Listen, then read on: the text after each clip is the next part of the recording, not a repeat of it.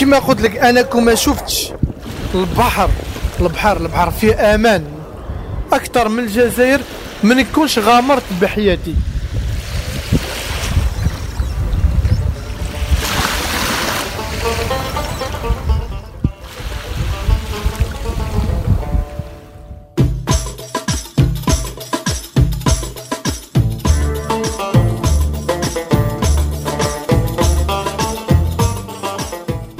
اكتئاب عميقة بعيشها الشاب الجزائري هشام بلشت بعد وفاة والده وزادت أكثر وأكثر بعد ما تركته صديقته اللي كان يخطط يتزوجها لأنه فقير وما معه مال ولا مسكن.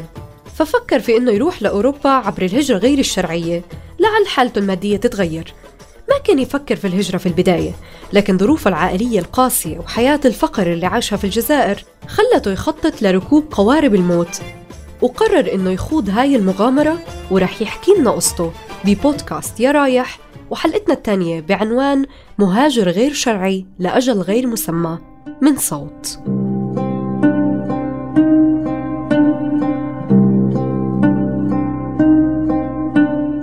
أنا هشام عمري 33 سنة. أنا كنت عايش في الجزائر العاصمة. كنت آه، وصلت سنة ثالثة ثانوي. ما توفقنيش ربي في الدراسة.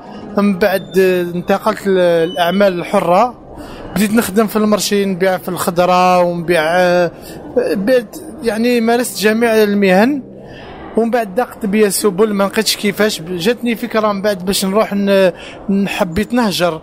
كانوا عندي أصحابي أصدقائي دائما يشجعوني ليوصلوا للبلاد البلاد الأوروبية. توفى والد هشام وهو صغير وهالحادثة خلته ينضج قبل الأوان ليعيل أسرته وإخوته لأنه الأول في ترتيب العائلة لجانب أخ وأختين.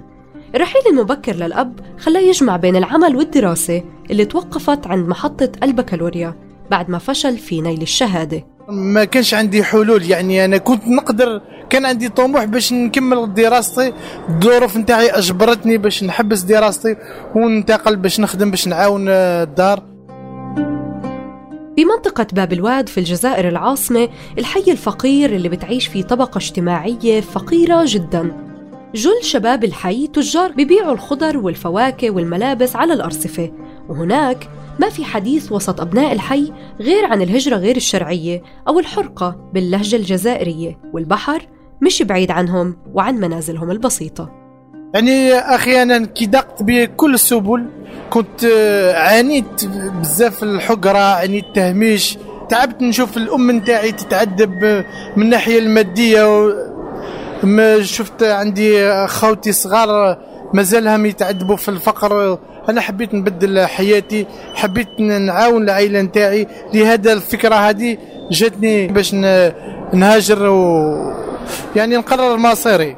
خيار الهجرة غير الشرعية كانت أقصر الطرق عند هشام اللي ما تأخر كتير وباشر بخطوات رحلته نحو المجهول. تواصل مع أصدقائه اللي سافروا ووصلوا لأوروبا وبدأ يحكي مع الأشخاص اللي بنظموا عملية نقل الشباب في البحر.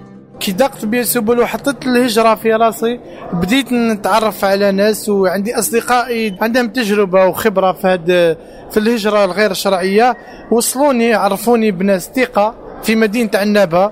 واحد يعيطوا آه، محمد البحار. أنا تعبت يعني خدمت ليل مع النهار. في الم- في المرشي خدمت حمال خدمت جميع أنواع المهن خدمتها. غير هذا غير باش نلم هذاك المبلغ. لميت المبلغ اتجهت لمدينة عنابة.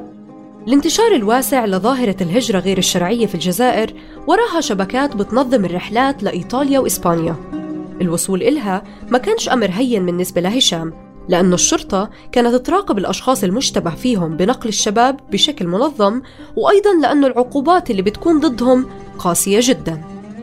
تلاقينا بهذا السيد اللي يقولوا له محمد البحار لقيناه في وسط مدينة عنابه ضربنا موعد على الساعة الثامنة آه، في آه، يعني موعد في سرية تامة تخوفا من عناصر الأمن اللي كانت تلاحق هذه الشبكات. يعني تحددنا على جميع الشروط وعلى المبلغ. اللي لازمني نسلمه له. هو المبلغ مقدر ب 15 مليون أي ما يعادل 700 أورو. كان معي صديقي هو اللي وصلني ليه بالطبع يعني هو اللي كان ضامن فيا. ولكن آه، راك تعرف أخي هذه رحلة في قارب ليس رحلة في طائرة. ما كاش حتى ضمانات يعني ما كاش حاجة تضمن باش نوصلوا لهذيك المكان.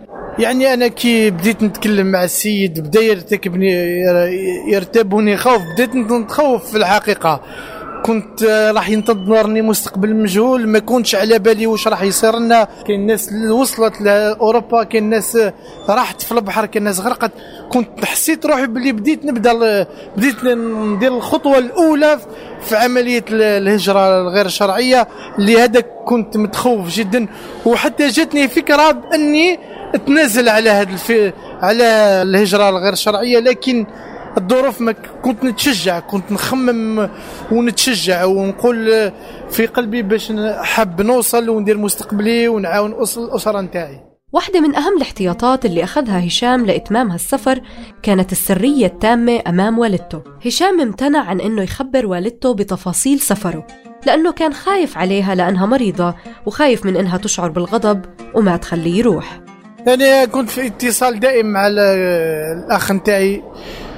أنا تكلمت مع اخويا وكان ضد هذه الفكرة لكن قنعته وكنت على اتصال معه ووعدني بأنه ما يهدرش الوالده نتاعي.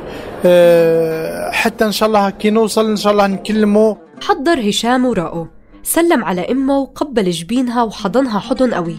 كذب عليها وقالها رايح أشتغل شغل في مدينة عنابة وأرجع. من جزائر العاصمة إلى مدينة عنابة شرق الجزائر. كانت الرحلة الأولى برا وجزيرة سردينيا بتقترب أكثر فأكثر بالنسبة لهشام. صحي هشام يوم الجمعة صباحا الساعة خمسة. حضر أغراضه حمل معه غرض بحبه وهو صورة أمه ووالده وحمل معه أيضا بعض التمر. يعني أعطانا موعد محل بحار في منطقة سيدي سالم. هي منطقة معروفة عند الناس الناس كامل تهجر من هذيك المنطقة. رحنا تلاقينا في واحد البيت مهجور. فهمنا على فهمنا مليح واش نديروا كيفاش نديروا كي نوصلوا للسردينيا واش نديروا فهمنا على جميع النقاط فهمنا. عطينا له عطينا له الأوراق نتاعنا. الباسبور والأوراق كان حكمهم هو. قالنا كي نوصلوا إن شاء الله لإيطاليا رانا نعطيكم نعطيكم الأوراق. يعني كنا في حوالي 15 15 شخص. كنا من جميع الولايات كانوا حتى من ولاية وهران جاو جاو إلى عنابه عند هذا السيد باسكو هذا السيد معروف عند الناس. توكلنا على ربي خرجنا من المنزل هذاك.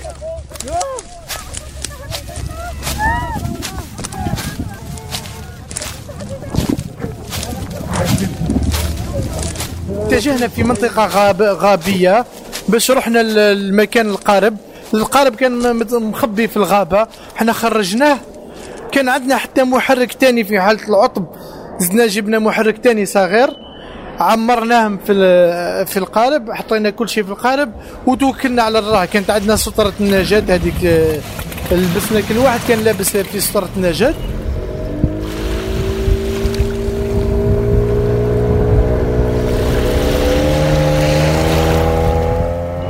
وكنا في ستة في 15 واحد وسائق يعني اللي يقود آه، القارب واللي هو محمد البحار. توكلنا على ربي توجهنا كان شوية كان البرد وكان البحر يعني كان البحر هادئ. في الأول ما كناش ما شعلناش المحرك كنا خايفين من آه، قوه حفر السواحل تسمع صوت المحرك. الرحلة دامت تقريبا 16 ساعة. كنت ندعي لربي كنت نشوف مع السماء وندعي لربي وكنا نصبروا في رواحنا. واحد صديقنا تاني مسكين كان شوية مريض نفسيا هو أصلا عنده القلقة والضيقة وما يساعدوش البحر بدأ يتقيا. وخمم حتى يرمي روحه كنا نصبروا فيه وكنا ندعيه. كنت أنا نشوف مع السماء وندعي لربي إن شاء الله نوصل إن شاء الله نوصل لهذيك البلاد. ونعاون يما وغير وأنا ما حبيت غير إن شاء الله برك باش يما ما نبكيهاش. من بعد بدينا نصبروا في رواحنا بدينا نغني وبابور اللوح. خليني نروح بابور اللوح. خليني نروح بابور اللوح. خليني نروح قلبي مجروح. قلبي كنت كان يخبط بالخوف. حتى وصل حتى بدأت بدات بدينا نقربوا كل ما نقربوا كما الخوف يبدا يزول بشوية. حتى حتى بدينا نشوفوا من بعد آه، بدأت الجبال تاع سردينيا بدأت تطاح لنا بشوية. كي بدينا نقربوا للسواحل الإيطالية بداو الجبال يبالونا كنا نفرحوا كنا نف... يعني كان الخوف بدأ يروح لنا. إحنا بدينا نقرب نقربوا حتى نتفاجئوا بقوة حفر السواحل تفاجئنا. دهمتنا. كان تبع فينا إحنا كنا خايفين كنا نزيدوا في السرعة في. وخايفين. لكن هما ما قدروا تعرضوا لنا في الطريق حبسونا. يعني آه، أنا فقدت الأمل بديت نخمم. قلت لك يدخلوني الحبس يرجعوني للبلاد والتعب نتاعي يروح خسارة. آه، ركبنا معاهم آه، في القارب نتاعهم. دخلونا الشواطئ جات جابونا الإسعافات وكلونا بيان. ومن بعد داونا للسونتر نتاعهم في إيطاليا في منطقة سردينيا عندهم مراكز لاحتجاز المهاجرين. لقينا يعني هناك لقينا ناس بزاف من جميع الجنسيات. أفارقة فلسطينيين عراقيين ناس بزاف. جمعونا في هذاك هذاك المركز عطاونا ناكلو. اليوم الأول بقينا في هذاك المركز بقينا نتسالوا حيرين على المستقبل تاعنا هل يرجعونا؟ هل يدخلونا للسجن؟ بقينا غير في حيرة ونسقسيو من بعد هناك واحد من سوريا عطانا فكرة باش ما نعطيوش الجنسية نتاعنا الأصلية نتاعنا نخبيو الوثائق نتاعنا ونتكلموا باللهجة السورية أو باش ما نعطيوهمش. يعني أنا باش ما نعطيوهمش الجنسية نتاعنا باش ما يقدروش يرحلونا البلد نتاعنا. وفرقونا إحنا كنا في خمسة وكان عشرة أصدقاء نتاعنا في مركز واحد آخر كنا مفرقين. إحنا كنا في خمسة أنا وثلاثة صحابي آه، داونا لواحد الغرفة بداو يستنطقوا فينا يستجوبوا فينا بدينا نهضر معاهم سوري.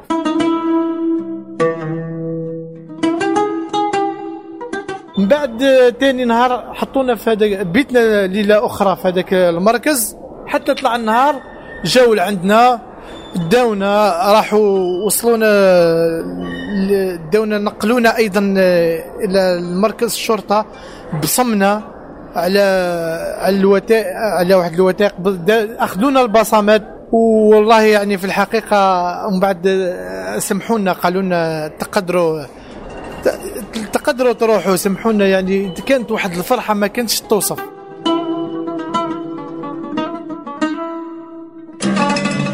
بعد أن قضى هشام مع مجموعته ليلة في حبس جزيرة سردينيا كان بفكر طول الليل عن رحلته وكيف إنه حقق نصف المشوار بنجاح وإنه ما بقي غير القليل عشان يتحقق حلمه ويصير حر ويقدر يحكي مع أهله ويخبرهم إنه بخير. شوف يا خويا أنا في الأول كي حكمونا تاع خفر السواحل هذوك والله يعني خش... بدات الندمة تجيني تما قلت التعب نتاعي راح هكيك.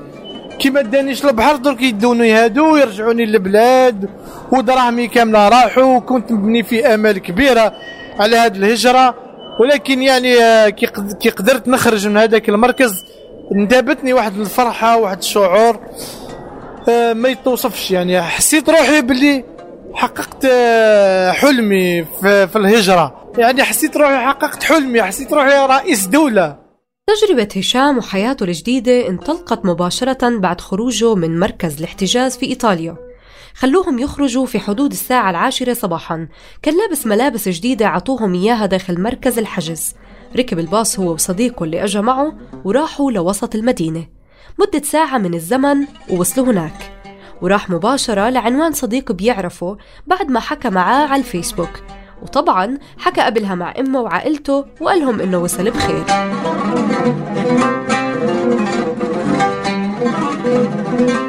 عائق اللغة الإيطالية كان الدافع الأول لهشام ليتوجه لفرنسا. إضافة إلى لقاء أبناء حيه في باريس.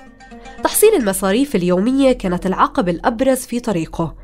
اشتغل في البداية في مزرعة لجمع الخضر والفواكه وحمال في السوق وكان صعب يحكي مع الناس لأنه ما بيعرف اللغة الإيطالية وأحيانا كتيرة بيحكي بالإشارة معهم وكان بالنسبة له السفر لفرنسا أحسن بكتير.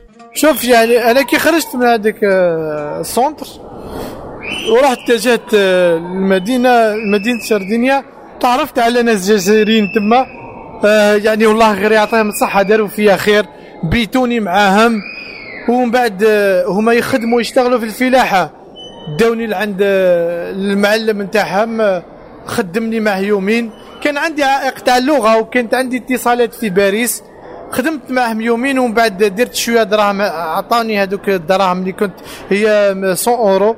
حكمت القطار لمدينة ميلانو. من ميلانو دخلت لمدينة ليون الفرنسية. ومن بعد من مدينة ليون الفرنسيه حكمت آه، القطار إلى باريس إلى العاصمة الباريسية. ثم تلاقيت أصدقائي ولاد حومتي صحابي اللي راحوا لتما اللي كانوا يشجعوني. تلاقيتهم في الأول يعني آه، عاونوني بيتوني معاهم. ومن بعد آه، بداو بداو كل واحد يعني نقدر ظروفهم أنا هما خدامين وكل واحد عنده ظروف ولازمني أنا تاني نحوس على خدمة. نعاونهم في السكنة نعاونهم نعاونهم نعاونهم في الواي تاع الدار في الكراء في كلش. الوثائق الرسمية كانت الشغل الشاغل لهشام طول الوقت. سأل أصحابه في باريس عن أسهل الطرق للحصول عليها. حكوا له عن الزواج والعمل لكن بالأول كان لازم يوفر مصروفه اليومي لحتى يكفيه قوت يومه ليبدأ معركة جديدة وهي الحصول على الوثائق. إما تعيش عشر سنين هنايا وإما تتزوج. هذا هو الحل الأنسب. وسائل التواصل الاجتماعي كانت الجسر اللي بسافر عبره هشام بشكل شبه يومي من باريس إلى العاصمة الجزائر للقاء والدته وعائلته وأصدقائه. أنا والله غير راني على الاتصال ديما مع فاميلتي مع يما. راني نبكي كل يوم على يما. نعيط مع خويا توحشت خوتي. يعني نهضر معهم كل يوم. يعني نصارحك أخي هناك شبيبة كاملة في الجزائر راهي كارهة. ما مع أني نحكي لها من المعاناة نتاعي ونصور لهم واش راني ندير وكيفاش راني نخدم. هكيك وعندهم الفكرة راهي راسخة باش يركبوا قوارب الموت ويوصلوا.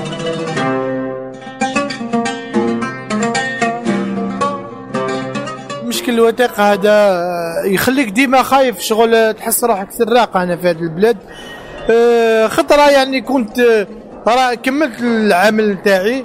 كنت داخل الدار في واحد المحطة يقولوا لها Gare du Nord كان هناك contrôle تاع الوثائق. حكموني الشرطة مراقب الوثائق حكموني الشرطة يعني طلبوا علي الوثائق. قلت لهم نسيتهم في الدار. داوني من بعد إلى مركز الشرطة كان اعتقلوني لمدة 48 ساعة. كان معي استجواب. داروا لي استجواب ما قدروش يحدوا جنسيتي في غضون 48 ساعة. ما عنديش سوابق عندي يعني تلقوني يعني فرجوا عليا وحذروني باللي كونسيديو يلقاوني مرة واحدة أخرى. يعني يعاودوا يعتقلوني إلى المركز احتجاز المهاجرين الغير شرعيين. هشام مش الشخص الوحيد اللي بعيش بدون وثائق في فرنسا. في غيره آلاف. العديد من الشباب بعيشوا نفس الظروف تقريبا وهي صعوبة تحصيل شغل ومصروف يومي ثابت والبحث عن طرق الحصول على الوثائق القانونية. رانا عايشين هاربين صح. بدينا هنا نخدموا نقدروا نداويو باطل يعاونونا. بصح ماناش آلاز ما نقدروش نروحوا للبلاد ما نشوفوش بلادنا ما نقدروش نخدموا كما الناس اللي عندهم الوثائق. عدة جمعيات في فرنسا بتشتغل على مساعدة المهاجرين غير الشرعيين. قصد هشام عدد منهم بحثا عن مخرج لوضعيته غير القانونية هاي الجمعيات عادة بتشتغل مع المهاجرين الموجودين بطريقة غير قانونية في البلاد منذ عشر سنوات. يعني عرفوني بجمعيات كاينين جمعيات ناشطين في هذا المجال يعاونوا الحراقة كاين جمعيات بزاف كاين جمعيات خيرية. خيرية كاينين اللي يقدروا يعطيونا المساعدات يعني في الاغذيه الماكلة وكل شيء. وكاينين جمعيات يعاونونا من الطريقة القانونية نديوهم استشارة نروحوا لعندهم نستشيروهم في في الوثائق وكلش. جميعهم يعني ما عندهمش حلول. كامله يقولوا لنا اذا عندك وثائق تثبت باللي عايش هنا في عشر عشر سنين هنا في فرنسا. يعاونونا ولا حبيت تتزوج ينصحونا ويعاونونا. لكن بحالتي هذه ما فيش أمل يعني باش يخدموا لي الوثائق. هشام ربما يكون نجح في الوصول للضفة الأخرى من المتوسط. لكن هناك حالات أخرى لناس توقف مسار رحلتهم في عرض البحر غرقا. فيما توقف مسار آخرين في بدايته بعد ما مسكتهم شرطة خفر السواحل الجزائرية قبل انطلاقهم أو بعد شوي من هيك. سمعنا عن حالات كتيرة لقوارب غرقت أو اختفت في عرض البحر. خلال عام 2018 ولغاية شهر نوفمبر قدرت هاي الأعداد بنحو عشرة قوارب بحسب مصدر في قوات خفر السواحل الجزائرية. أنا كما شفتش البحر البحر البحر فيه أمان. أكثر من الجزائر ما نكونش غامرت بحياتي. باسكو هذه تعتبر مغامرة. غامرت كيما الناس هذيك اللي غامرت مساكن وماتوا سمعنا عليهم بزاف ربي يرحمهم إن شاء الله. بعد ما سمع لسنوات طوال عن الغربة وصعوبتها وهو في بلاده بعيش اليوم هشام التجربة بعيد عن أهله. بيصارع من أجل مصروفه اليومي وبيفتش أيضا عن مخرج لمشكلة الوثائق. أخويا الغربة غنوا عليها كما يقول لك صعيبة بزاف. كنت نسمع بها يقولوا صعيبة وصعيبة والله غير صعيبة. توحش يماك توحش فاميلتك توحش حبابك تبكي واحد ما يسكتك هنا يا حبيبي. تموت كون ما تخدمش تموت صعيبة الغربة بزاف. والله غير franchement حبينا ولا كرهنا؟ هاد البلاد فيها الخير فيها كل شيء. بصح ماشي كيما بلادنا نحسوا روحنا ديما برانية في هاد البلاد. مهما يكونوا حبابك وش يكون؟ تحس روحك غريب في هاد البلاد. لكن السؤال الأهم واللي بدور بذهن كثيرين منا هو إنه لو عاد الزمن بهشام لورا كان بيعيد تجربة الهجرة غير الشرعية؟ يا خويا ما نكذبش عليك. أنا نقدر نروح نقدر ما نروحش. parce que كي شفت هنا واش واش عانيت هنايا ونكومباري بواش عانيت في البلاد يعني نكون hésité mais je pense نعاودها. normal نركب في البابور. غير باش ن... وزيد دركا راني نسمع واش يحكيو لي ولاد حومتي وصحابي كيفاش راهم يعانيو. يا اخويا أنا ما نكذبش عليك ما ندمتش باللي باللي ركبت البابور هل يا ترى فكر هشام في الزواج كحل سريع لوضعه؟ إن شاء الله نلقاو بنت الحلال اللي تسترنا ونستروها. هكا نخدموا إن شاء الله كواغطنا وبالك إن شاء الله ربي يفرج علينا نهبطوا للبلاد إن شاء الله ونعاونوا فاميلتي بعد كل اللي مرق فيه هشام وكثيرين من المهاجرين وكل القصص اللي بنسمع عنها كل يوم بنفكر بأنه التجربة صعبة جدا لكن بسبب الظروف الاجتماعية الصعبة كثير من الأشخاص بيمروا بهالتجربة وبيقدموا عليها عشان يمكن بيتخيلوا الحياة بأوروبا أو غيرها من الدول الثانية رح تكون أفضل لكن شو ممكن يقول هشام بهالخصوص؟ أنا ما نقدرش نقول لهم لازم تجو ولا ما تجوش. هذيك كل واحد وكيفاش واش يحس واش كاين في راسو. أنا pour moi آه، اللي لاباس به في البلاد عنده شوية les moyens غير يخطئ. والله ما ما ما كاش ما يريح في البلاد خيرت له. أنا الظروف هي اللي خلتني هنايا نجي نظرة هشام لواقع بلاده والمستقبل فيه تشاؤمية. وهذا قياسا على تجربته اللي عاشها بكتير من المعاناة. هشام بيشوف إنه مستقبل بلاده والشباب هناك غير مضمون. أخي واش نقول لك؟ واش من حلول؟ في هذيك البلاد ما شكيتش كاينين حلول. كان الحلول آه، أنا سييت نقرأ. كان عندي طموح باش نقرأ ونوصل. ما هكاك ما قريت ووصلت على بالي. وشنو تخدم في واش تخدم fonction publique ولا وظيف عمومي؟ تعد دير الأجرة تاع 4 ملايين 4 ملايين. ما تقدرش تزوج ما تقدر دير بها والو. ما تكفيكش surtout في الجزائر العاصمة. ما عنديش دار ما عندي والو. ما نقدرش على بها كنت متشجع باش ما ما كانش عندي يعني حلول اللي تخليني نقعد في البلاد. هشام في فرنسا عاش في بيئة جديدة ثقافة جديدة ومع شعب مختلف ومتنوع غير اللي عاش معه هشام في الجزائر.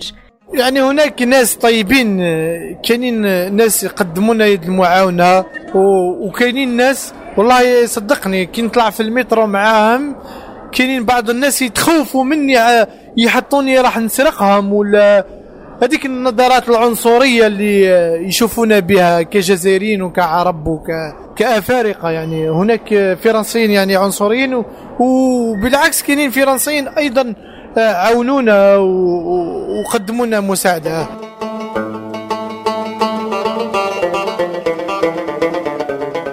حياة هشام اليوم تغيرت شوي. لكن تفكيره كله في عائلته اللي لساتها بتعيش حياة الفقر في الجزائر. نجح هشام في رحلته لمستقبل مجهول زي كتير ناس فيما بيعيش أبائهم وأمهاتهم غصة الفراق والفقدان بعيدا عن فلذات أكبادهم اللي اختاروا الهجرة غير الشرعية كبديل. اختار هشام المغامرة مع أنه كان يعرف أنه هناك نتيجتين إما الموت في قبر كبير في أعماق البحر أو الوصول لأوروبا وعيش واقع جديد بأمل أكبر وأقوى من الفقر والحرمان اللي عاشوا في بلاده. لكن برغم كل شيء هشام اليوم حلمه يرجع لحضن أمه وحضن وطنه. قال لك آه، كما يقول لك دحبر حراشي يا رايح وين مسافر تروح تعيا وتولي. بصح إن شاء الله أنا نعيا ونولي غير باش نشوف يما إن شاء الله ونعنقها وتفرح بيا إن شاء الله. يا رايح وين مسافر تروح وتولي الغافلين قبلك وقبلي هالحلقة كانت من إعداد فوزي بن جامع تقديم وتحرير صبرين طه وبالهندسة الإذاعية تيسير قباني. لقونا بحلقة جاي وحكاية هجرة جديدة في بودكاست يا رايح. يا رايح وين مسافر